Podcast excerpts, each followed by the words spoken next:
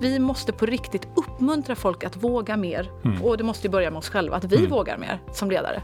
Så verkligen mod, mod, mod. Eh, och som sagt grunda oss i, i värderingar igen. Mm. Och på riktigt, alltså vad är viktigt på riktigt? Som vi var inne på här också. Alltså tänk efter, vad, vad brinner jag för på riktigt? Man måste vara sann och, mm. och äkta där. Varmt välkomna till Konkurrenskraft, podden där vi alltså pratar om framtidens beslutsfattande, verksamhetsstyrning och ledarskap. Just idag så ska vi prata mycket om digital påverkan och influencers så vi har med oss en riktigt, riktigt fast gäst för det området. Jag som håller i samtalen, jag heter Robin Askelöv, jag är marknadschef på Hypergene ni som har eh, lyssnat några avsnitt här, ni känner igen. Vi är ett techbolag inom just beslutsstöd och verksamhetsstyrning och det är också Hypegen som ger ut den här podden. Med mig i eh, varje avsnitt har jag som vanligt Ari Riabacke, doktor i beslutsfattande och riskanalys, författare, en av Sveriges mest populära föreläsare. Och eh, Ari, ja, jag sa vi skulle prata lite om digital påverkan här idag. Vad, vad får du för tankar då? Jag tänker nya tider, nya möjligheter. Mm. Ett mm. fantastiskt område och gästen vi har med oss är ju rätt kvinna för uppgiften. Ja men det är bra och mm. speaking of which, i varje avsnitt så har vi med oss en eh, gäst med massa erfarenhet och kunskap.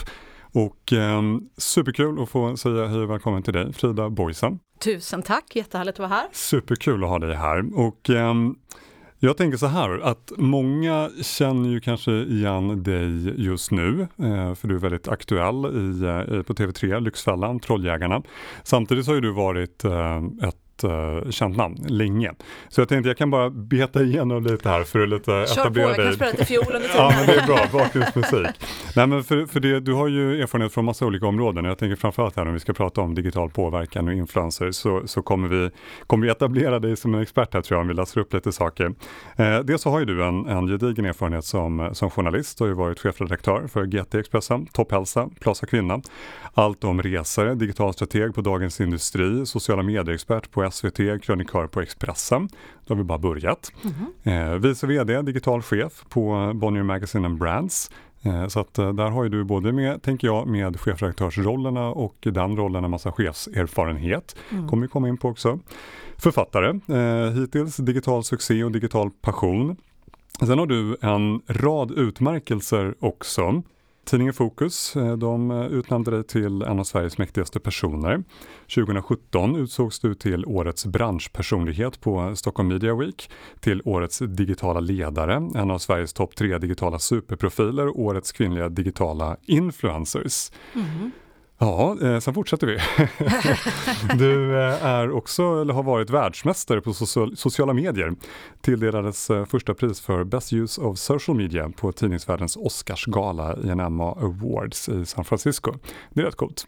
Och sen om vi kommer till nutid då, så 2019 har du utsetts till Årets kvinnliga entreprenör och Årets digitala influencer.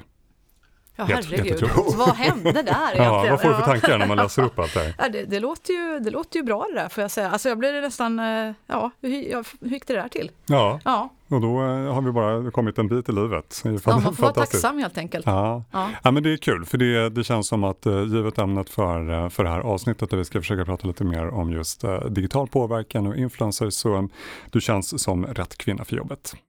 Och jag tänkte så här, innan vi drar igång så um, brukar vi försöka köra lite, um, lite snabba frågor. Mm. Snabba svar bara för att värma upp lite. All right. Ari, du är med också? Jajamän. Ja, underbart.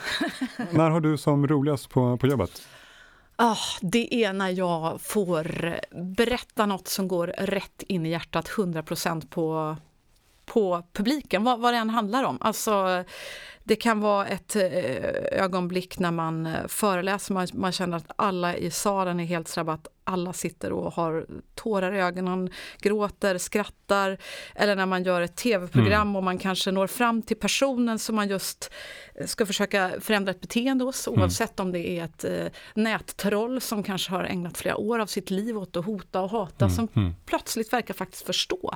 Och, och vi ringer upp den, en av de människorna den här personen har utsatt för massa elände. och, och sådana där ögonblick tycker jag är helt fantastiska. När man liksom bara känner wow, mm. där, där tändes det någonting i en annan människa. Mm. Och, och, det är väl det jag drömmer om, att göra liksom världen lite bättre. Och, och jag tror att mitt sätt är väl att göra det genom berättelser och möten. Mm. Och vi gick ju igenom lite kring alla utmärkelser och sådär, men om man tittar ett år tillbaka så tänker man vad du är mest stolt över. Vad, vad av allt är det?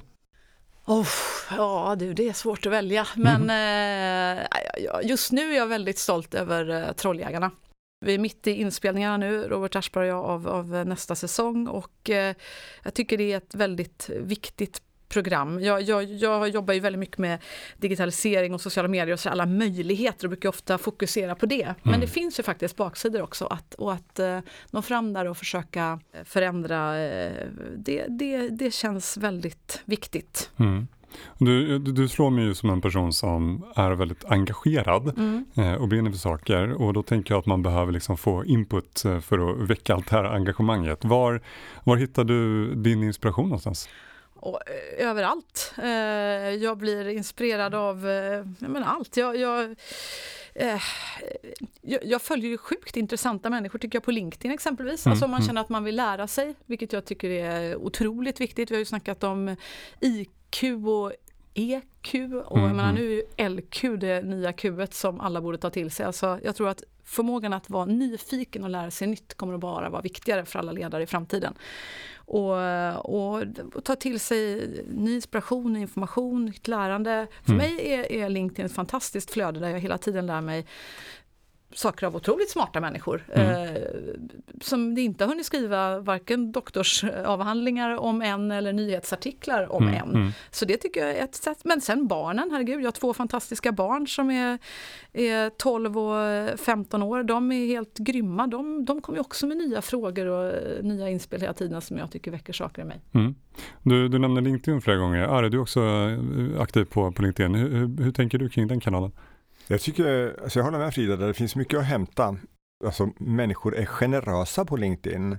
Eh, man når människor eh, på ett sätt som fascinerar mig också i den här resan som LinkedIn har gjort. Från att varit väldigt strikt businessorienterad mm, till att man börjar kunna skönja liksom tendenser av människor bakom inläggen. Mm.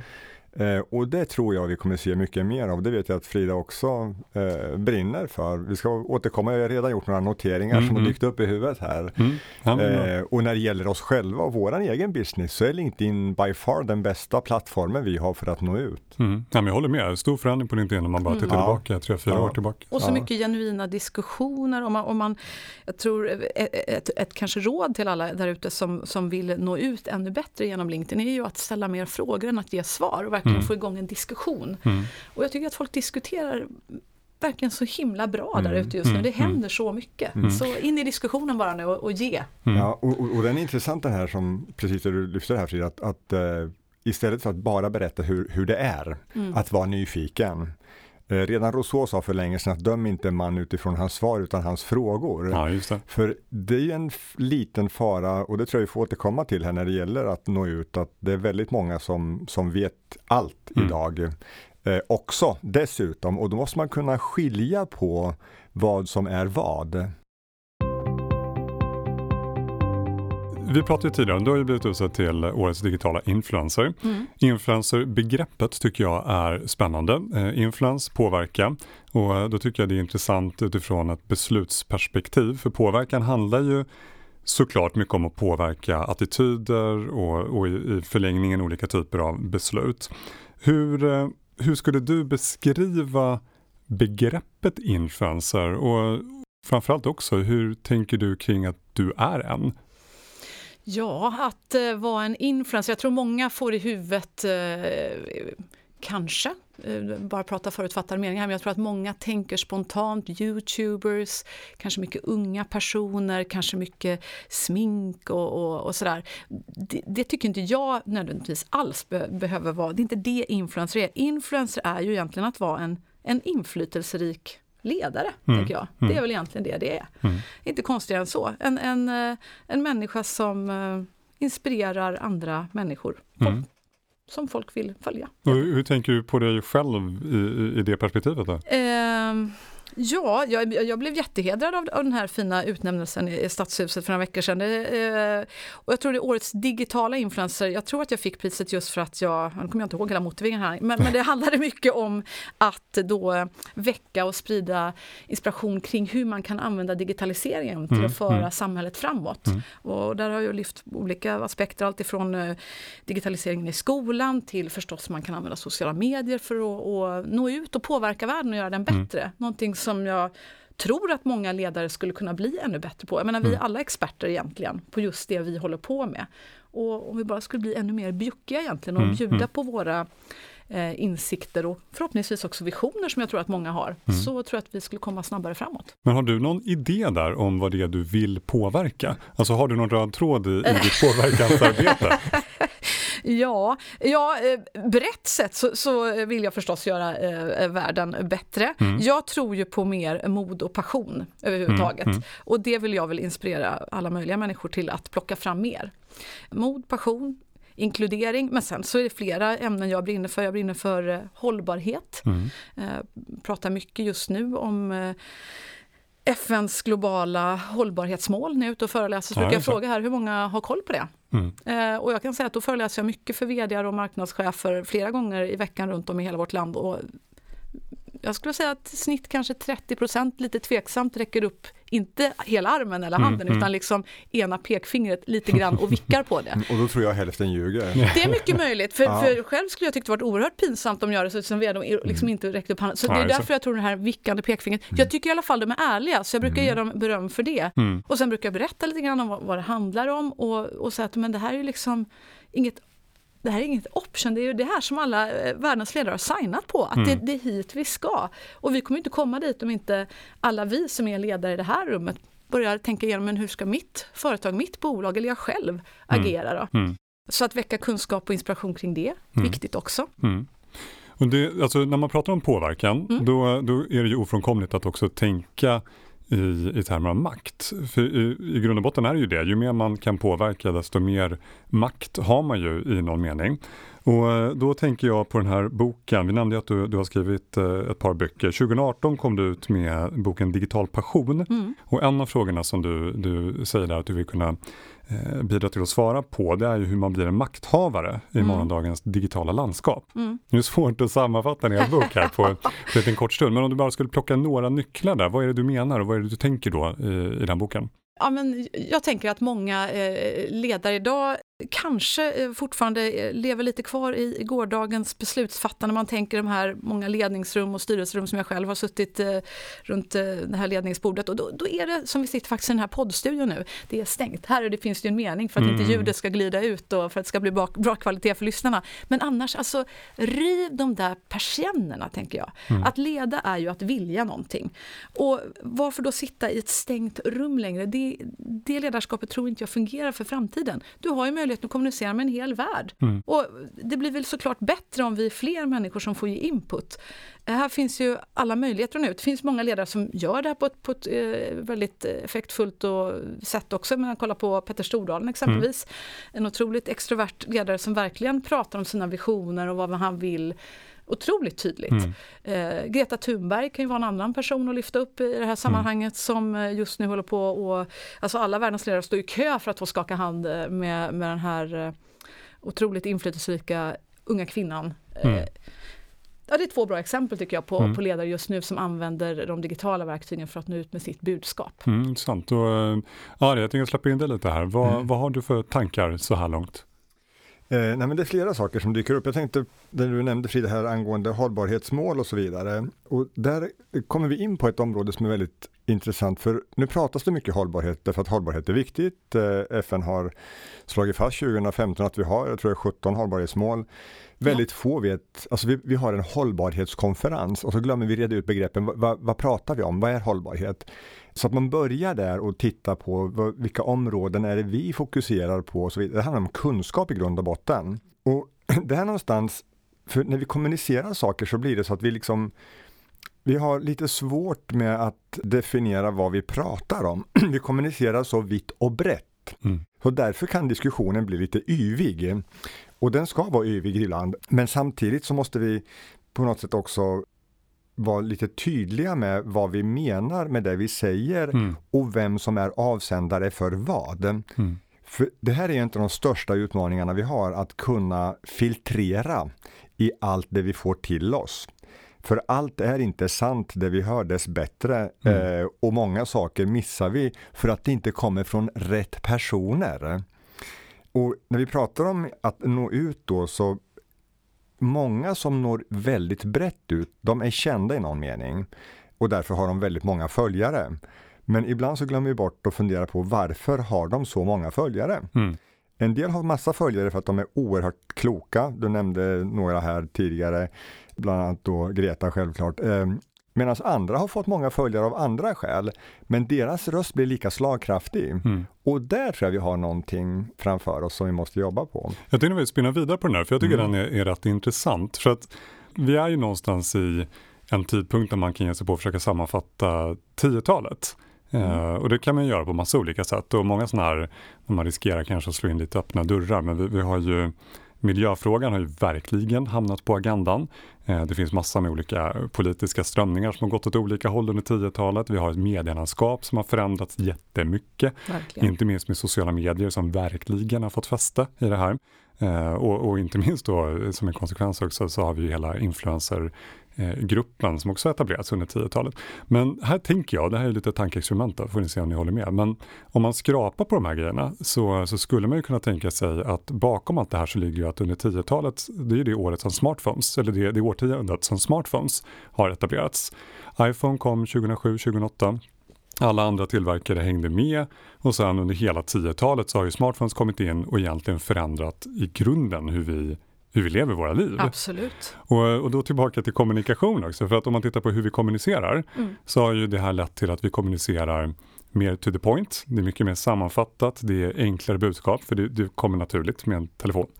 Eh, det, det har ju också blivit mycket mer, eftersom vi har med oss kamera och videokamera, vi kommunicerar mycket mer i bilder, video. Eh, Och enklare. live, för att Live, vi har, eh, vi har möjligheten. Tidigare skulle det vara långa tv-bussar, ni vet med de här parabolantennerna och liksom, herregud, Ja, ja, det var som en jätteapparat. Sen plötsligt bara tjong så kan alla livestreama och det är igen, maktförhållandena Ja, exakt. förändras. Exakt. Och det är liksom även det här med hur vi tar till oss informationen, för då har vi de här klassiska filterbubblorna. Mm. Eh, att mycket av det vi tar till oss är ju sånt vi redan tycker och tänker och så förstärks det och sådär.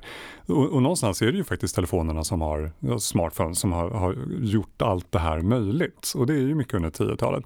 Mm. Men då eh, Frida, du som Mm. verkligen lever mitt i det här, Mm. eh, för du lever ju mycket via just de sociala medierna, du jobbar med digital påverkan och Mm. sådär. Vad tänker du, fattar vi beslut på andra sätt idag jämfört med för tio år sedan? Givetvis är det så. Det, det tror jag varenda människa där ute kan signa på. att eh, Jag menar när vi köper saker, varenda köpbeslut idag eh, jämfört med hur det var för 10-20 år sedan, men då fattade vi ju köpbeslut kanske när vi var ute i fysiska butiker. Idag är det ju otroligt mycket mer så att eh, ett köpbeslut kanske väcks istället när du tittar på din favoritinfluencer. Då menar inte jag att det behöver vara en, en eh, 17-årig tjej eller kille Mm. som håller på med, med sin hobby, utan det kan ju vara en människa som du inspireras av oavsett om det är på LinkedIn eller Facebook eller Instagram. En person som du verkligen tycker om och tänker gud vad den där människan, jaha den rekommenderar den boken, den Mm, måste jag mm. läsa, eller jaha, eller gud vilka, det kan spela ingen roll vad det är. Men där börjar ju ofta köpbeslutet idag tror jag. Mm, mm. Eh, och sen så kanske du går ut, börjar googla eh, eller vad du nu gör och så genomför du hela köpet där, om vi nu ska snacka köpbeslut. Samma sak i företagsvärlden, vi har ju fått ett, en, bet- en betydligt större intelligens tack vare Mm. eh, den tekniska i- innovationen.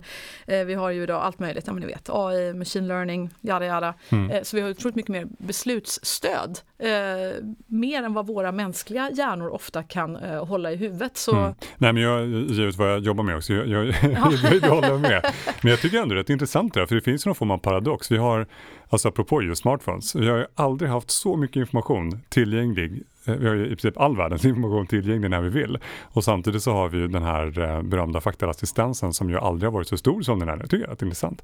Ari, vad, vad tänker du? Du jobbar ju just mycket med beslutsfattande. Nu känner jag du jag ska behöva ett eget avsnitt här. Nu, nu dök det upp grejer. Eh, Jag tänker på först det här med hur, hur påverkas vårt beslutsfattande av allt det vi ser och får till oss, så att säga i sociala medier till exempel. Eh, Och jag törs påstå att det påverkas enormt mycket av det, på gott och ont. om det är en ung tjej som är väldigt, väldigt, eh, vad ska man säga, eh, frekvent följd, som är i media, som syns mycket, som folk ser upp till. Om hon gör reklam för läppglans, då är den slut nästa dag. Mm. Uppenbarligen så har det effekt. Jag behöver bara gå till mig själv. Eh, jag med ålderns rätt har blivit cykeltokig som några har noterat och ska jag köpa cykelgrejer ja, men då frågar jag på sociala medier, skickar liksom en fråga till några stycken som är superexperter. Sen behöver inte jag fundera, mm. för de har sysslat med det här hela sitt liv. De vet. Och då går jag på den rekommendationen. Det vore idiotiskt av mig att lägga ner tid på någonting sånt som folk faktiskt har eh, ja, mm. verkligen funderat kring. Och där börjar vi kunna matcha andra kriterier. Eh, vår beställarkompetens blir bättre, törs jag påstå. Vi törs och tar oss tid att formulera vad är det vi vill ha, vad är det vi söker efter. Å ena sidan och kan så att säga skanna av ett stort fält. Mm. Eh, för annars är den övningen i sig väldigt tidskrävande att vara ute på fältet så att säga och, och genomföra de här eh, mm. testerna. Mm. mm. Men, men vad som händer sen är att vi måste ändå testa. Vi ja, måste provköra som vi säger i bilbranschen.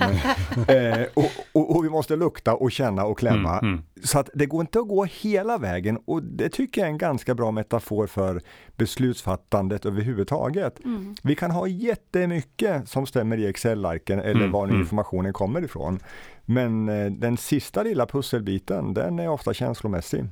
Och jag tänker på en annan sak eh, det, som diskuterades tidigare här, det här med att nå ut, eh, att människor som tidigare inte hade en röst, Frida nämnde det här med att många yngre får så att säga möjlighet att nå ut med sitt budskap. Och för oss som akademiker har det ju varit en magisk resa att ha suttit på sin kammare och filat liksom, vänt och vridit på verben och kommatecknen till att helt plötsligt via sociala medier, via poddar och så vidare nå ut med sitt budskap. Mm. Det känns, kan det verkligen vara lagligt det här? en sak som jag också måste anknyta till vad du sa där, om, om det här med när du ska fatta beslut, du som är cyklist. Mm, mm. Eh, och så sa du, du skickar ut några frågor till några personer som du mm. litar på, i, mm. i, som har kompetens inom det här området.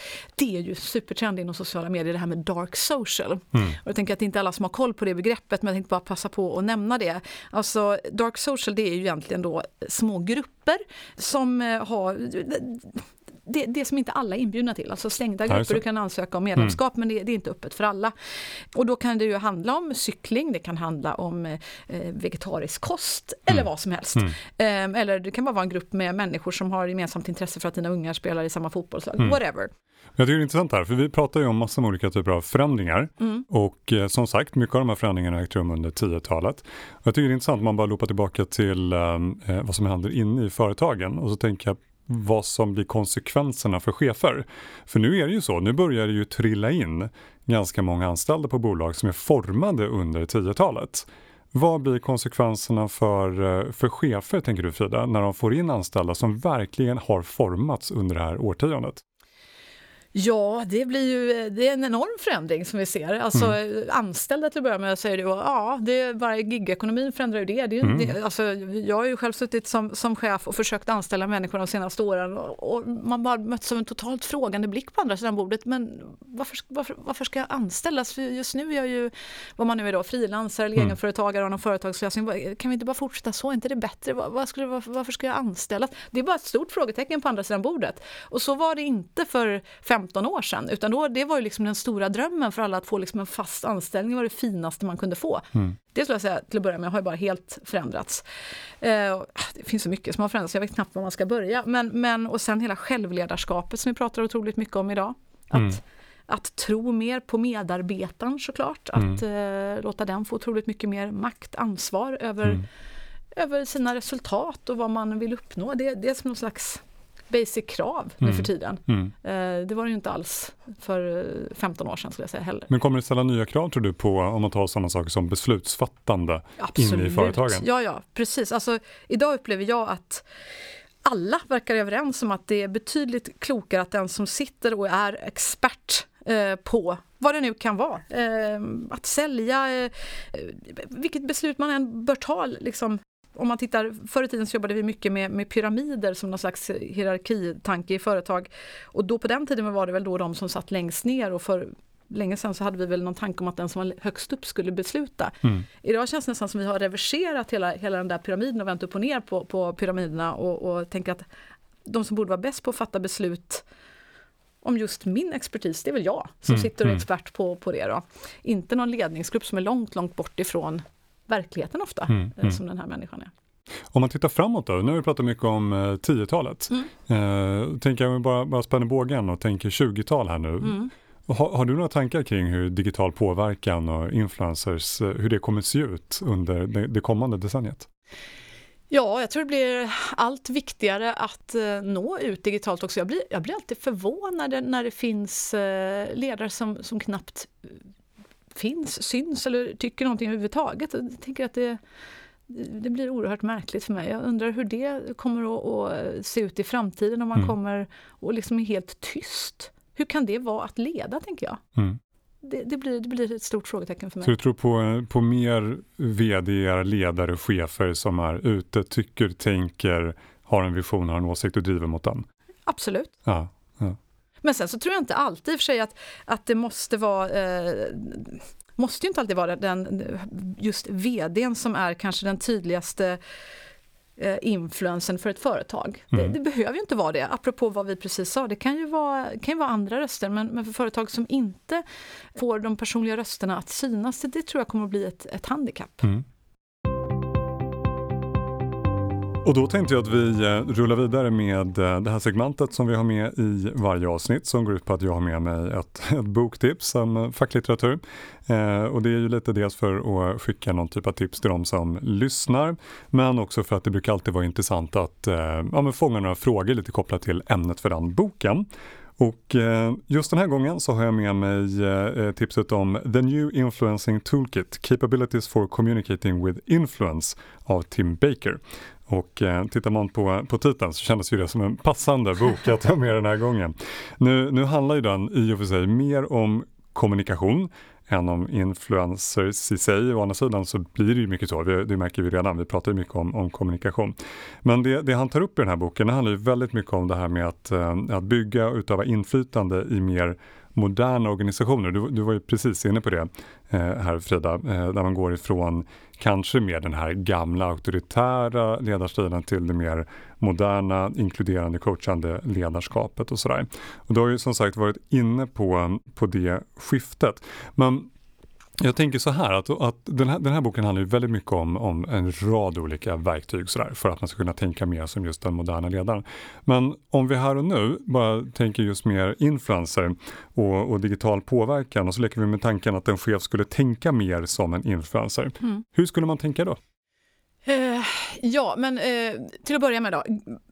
Börja med dina värderingar givetvis. Vad Mm. är det du brinner för? Vet du inte det, då blir det ju svårt att ha en röd tråd i din Mm, kommunikation. Så börja med det, lista ut vad är det jag brinner för, vilka är mina grundläggande värderingar och sen är det bara att tuta och köra på det tänker jag.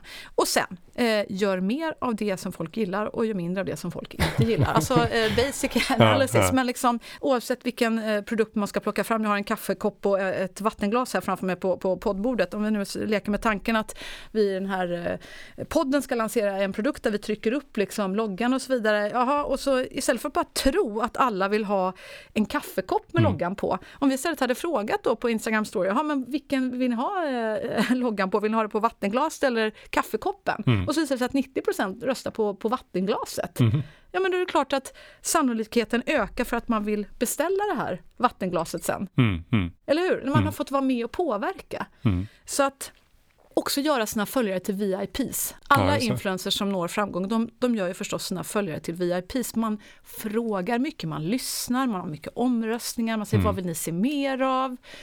Man hookar upp. Mm, Man, mm.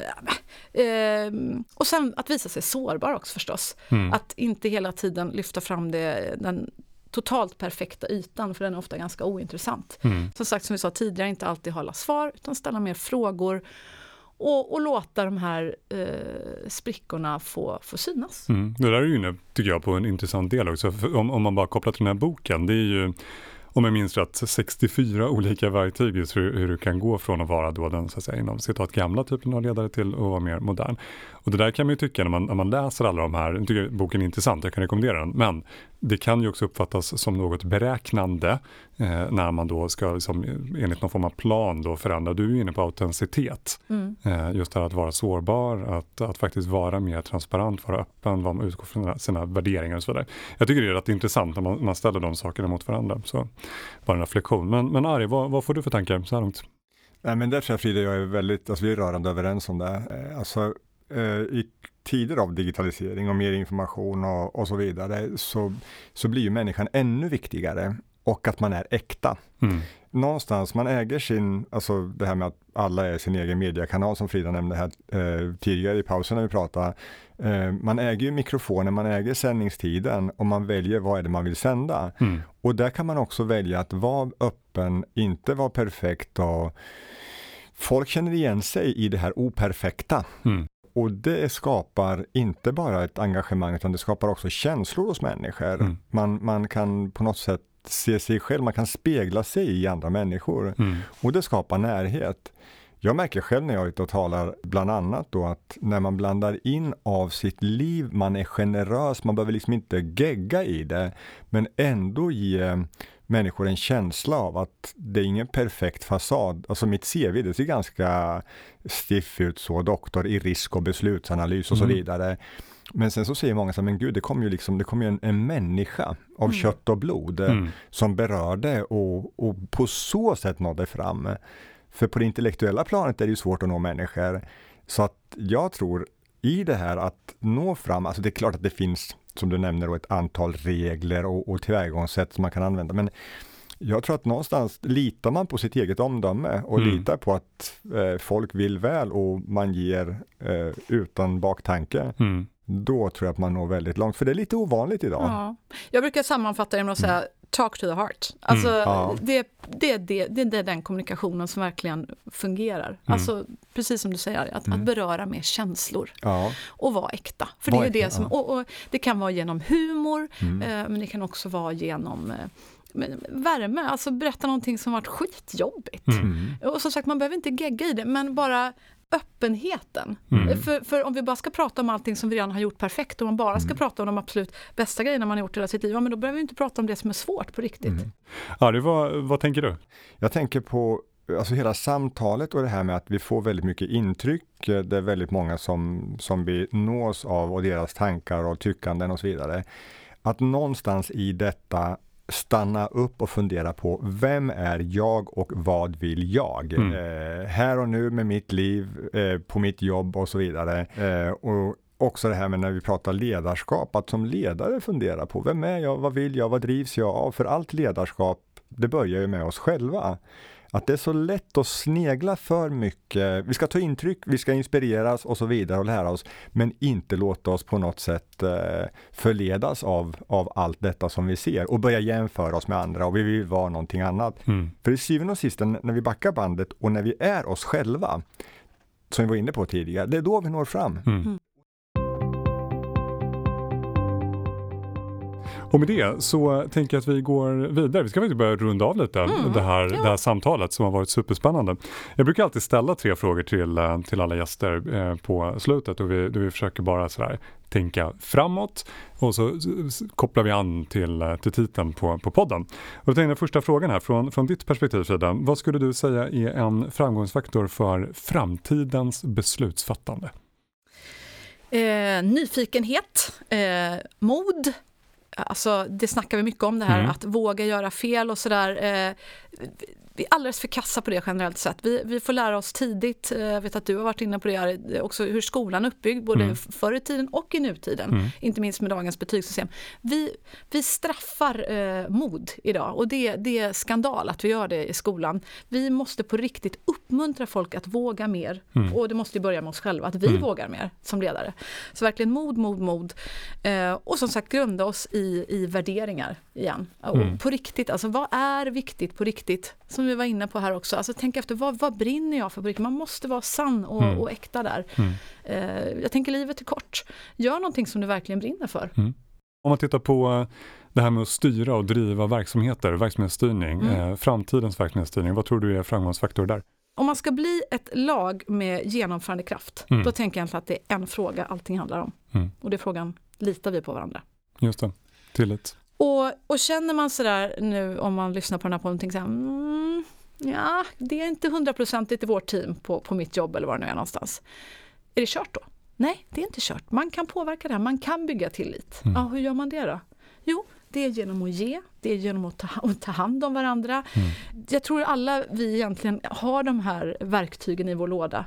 Eh, så det är bara att plocka fram dem och jobba på dem. Vi kan inte acceptera att vi inte litar på varandra utan då måste vi börja prata om det. Mm. Nej, spännande, styrning mm. med hjärta. Mm. Och eh, om man tar den sista frågan, visserligen närliggande, men om man tänker framtidens ledarskap. Ja, det är, det är aligned, verkligen. Eh, ja, nej, men, eh, led med, med hjärta, mod, passion och kommunikation. Det tror jag är, är avgörande faktorer. Att när man har fattat beslut också genomföra dem. Mm. Annars mm. om man tillåter liksom skit bakom spakarna, att man bara eh, fattar en massa beslut men sen så blir de aldrig genomförda, äh, då, kommer inte, då kommer inte tilliten att finnas där. Mm. Man, att fatta beslut är en sak men sen måste man också genomföra det givetvis. Mm. Men, och, och, som sagt, hjärta, ha kul tillsammans. Så att vara en ledare som också hela tiden utvecklar sig själv och andra. Mm. Jag tror den här eh, green and growing principen att man, om man lär sig nytt hela tiden då, då tycker man ofta att mm. ens jobb är väldigt roligt. Mm. Så unna sig det. Mm. Ja, men spännande. Och, eh, Ari, du, du har antecknat här. Eh, herregud, nu ser jag ditt ja, papper också. Ja, det finns ingenting kvar att skriva på där borta. jag, jag vågar knappt ställa frågan, men jag brukar be dig eh, komma med några, några sista sammanfattande reflektioner från avsnittet. Mm. Och, och, när du tittar på ditt papper här, vad, vad läser du? Vad, vad, väljer jag? vad väljer jag? Jag har faktiskt gjort lite noteringar här. Det finns ett antal studier som pekar på att den i särklass viktigaste eh, framgångsfaktorn för att få människor att prestera det att de känner sig trygga. Det handlar om gruppnormen. Mm. Vi pratar ofta om psychological safety. Och då kommer vi ju osökt in på det som vi pratade, eller ni pratade om här allra senast, det här med tillit. Att vi måste lita på varandra och att det går att bygga tillit. För väldigt många grupper har så nära till hands och det är inget hokus pokus. Vi jobbar ju själva med det här, eh, med just grupper, mm. oftast ledningsgrupper faktiskt, när det handlar om att bygga tillit och då handlar det om att få folk att öppna upp. Att börja dela med sig av vem är jag, vilka är mina drömmar, vilka är mina drivkrafter, vad håller mig tillbaka, vad är jag rädd för, vad är det som har påverkat mig mest i livet? Mm. Och då frågar folk så här, ja men hur kan jag lita på de andra att det här faller i god jord? Och då har Hemingway sagt någon gång att det enda sättet att veta om vi kan lita på folk, det är att lita på dem. Jaha, precis. Mm. Så det är en väldigt bra början. Mm. Mm. Ja. ja. men det är någonting magiskt som uppstår när eh, människor som kanske har jobbat i en ledningsgrupp i flera år plötsligt börjar berätta på riktigt om ja. det här som du säger nu. Ja. Alltså, grejen är att man tycker ju om varandra på ett helt annat sätt mm. efteråt. Mm. Ja. Och då tillåter man varandra att göra misstag. Ja. Det, det, så himla enkelt är det. Ja, man ser bortom liksom visitkortet och, och slipsknuten som är lite för hårt knuten i många fall. Och vi har ju sett exempel på det här när folk har jobbat ihop 20 år. På en 24 timmars övning så lär de känna varandra bättre än de gjort de första 20 åren. Mm. Eh, och då handlar det inte liksom om att berätta för dem hur de ska göra utan få dem att ställa frågor och öppna upp och bli intresserade av varandra helt enkelt. Mm. Och med de orden ska vi faktiskt försöka runda av det här jättespännande samtalet. Så himla roligt att ha dig här, Frida ja, Boysen. Jättekul, tack så mycket för inbjudan. Ja men verkligen, ja. Och, och, alla ni som lyssnar, eh, som jag brukar säga, Gå gärna in på hypegen.se. Där hittar ni ännu lite mer information och inspiration kopplat till inte minst beslutsstöd och, eh, och verksamhetsstyrning. Och eh, kom ihåg också att prenumerera på, på podden så att ni påminns om när det kommer nya avsnitt. Superkul att ni lyssnade, superkul att ni var här, både Frida och Ari. Stort tack för idag. Ha en fortsatt riktigt bra dag. Hej! Hej då! Hej då!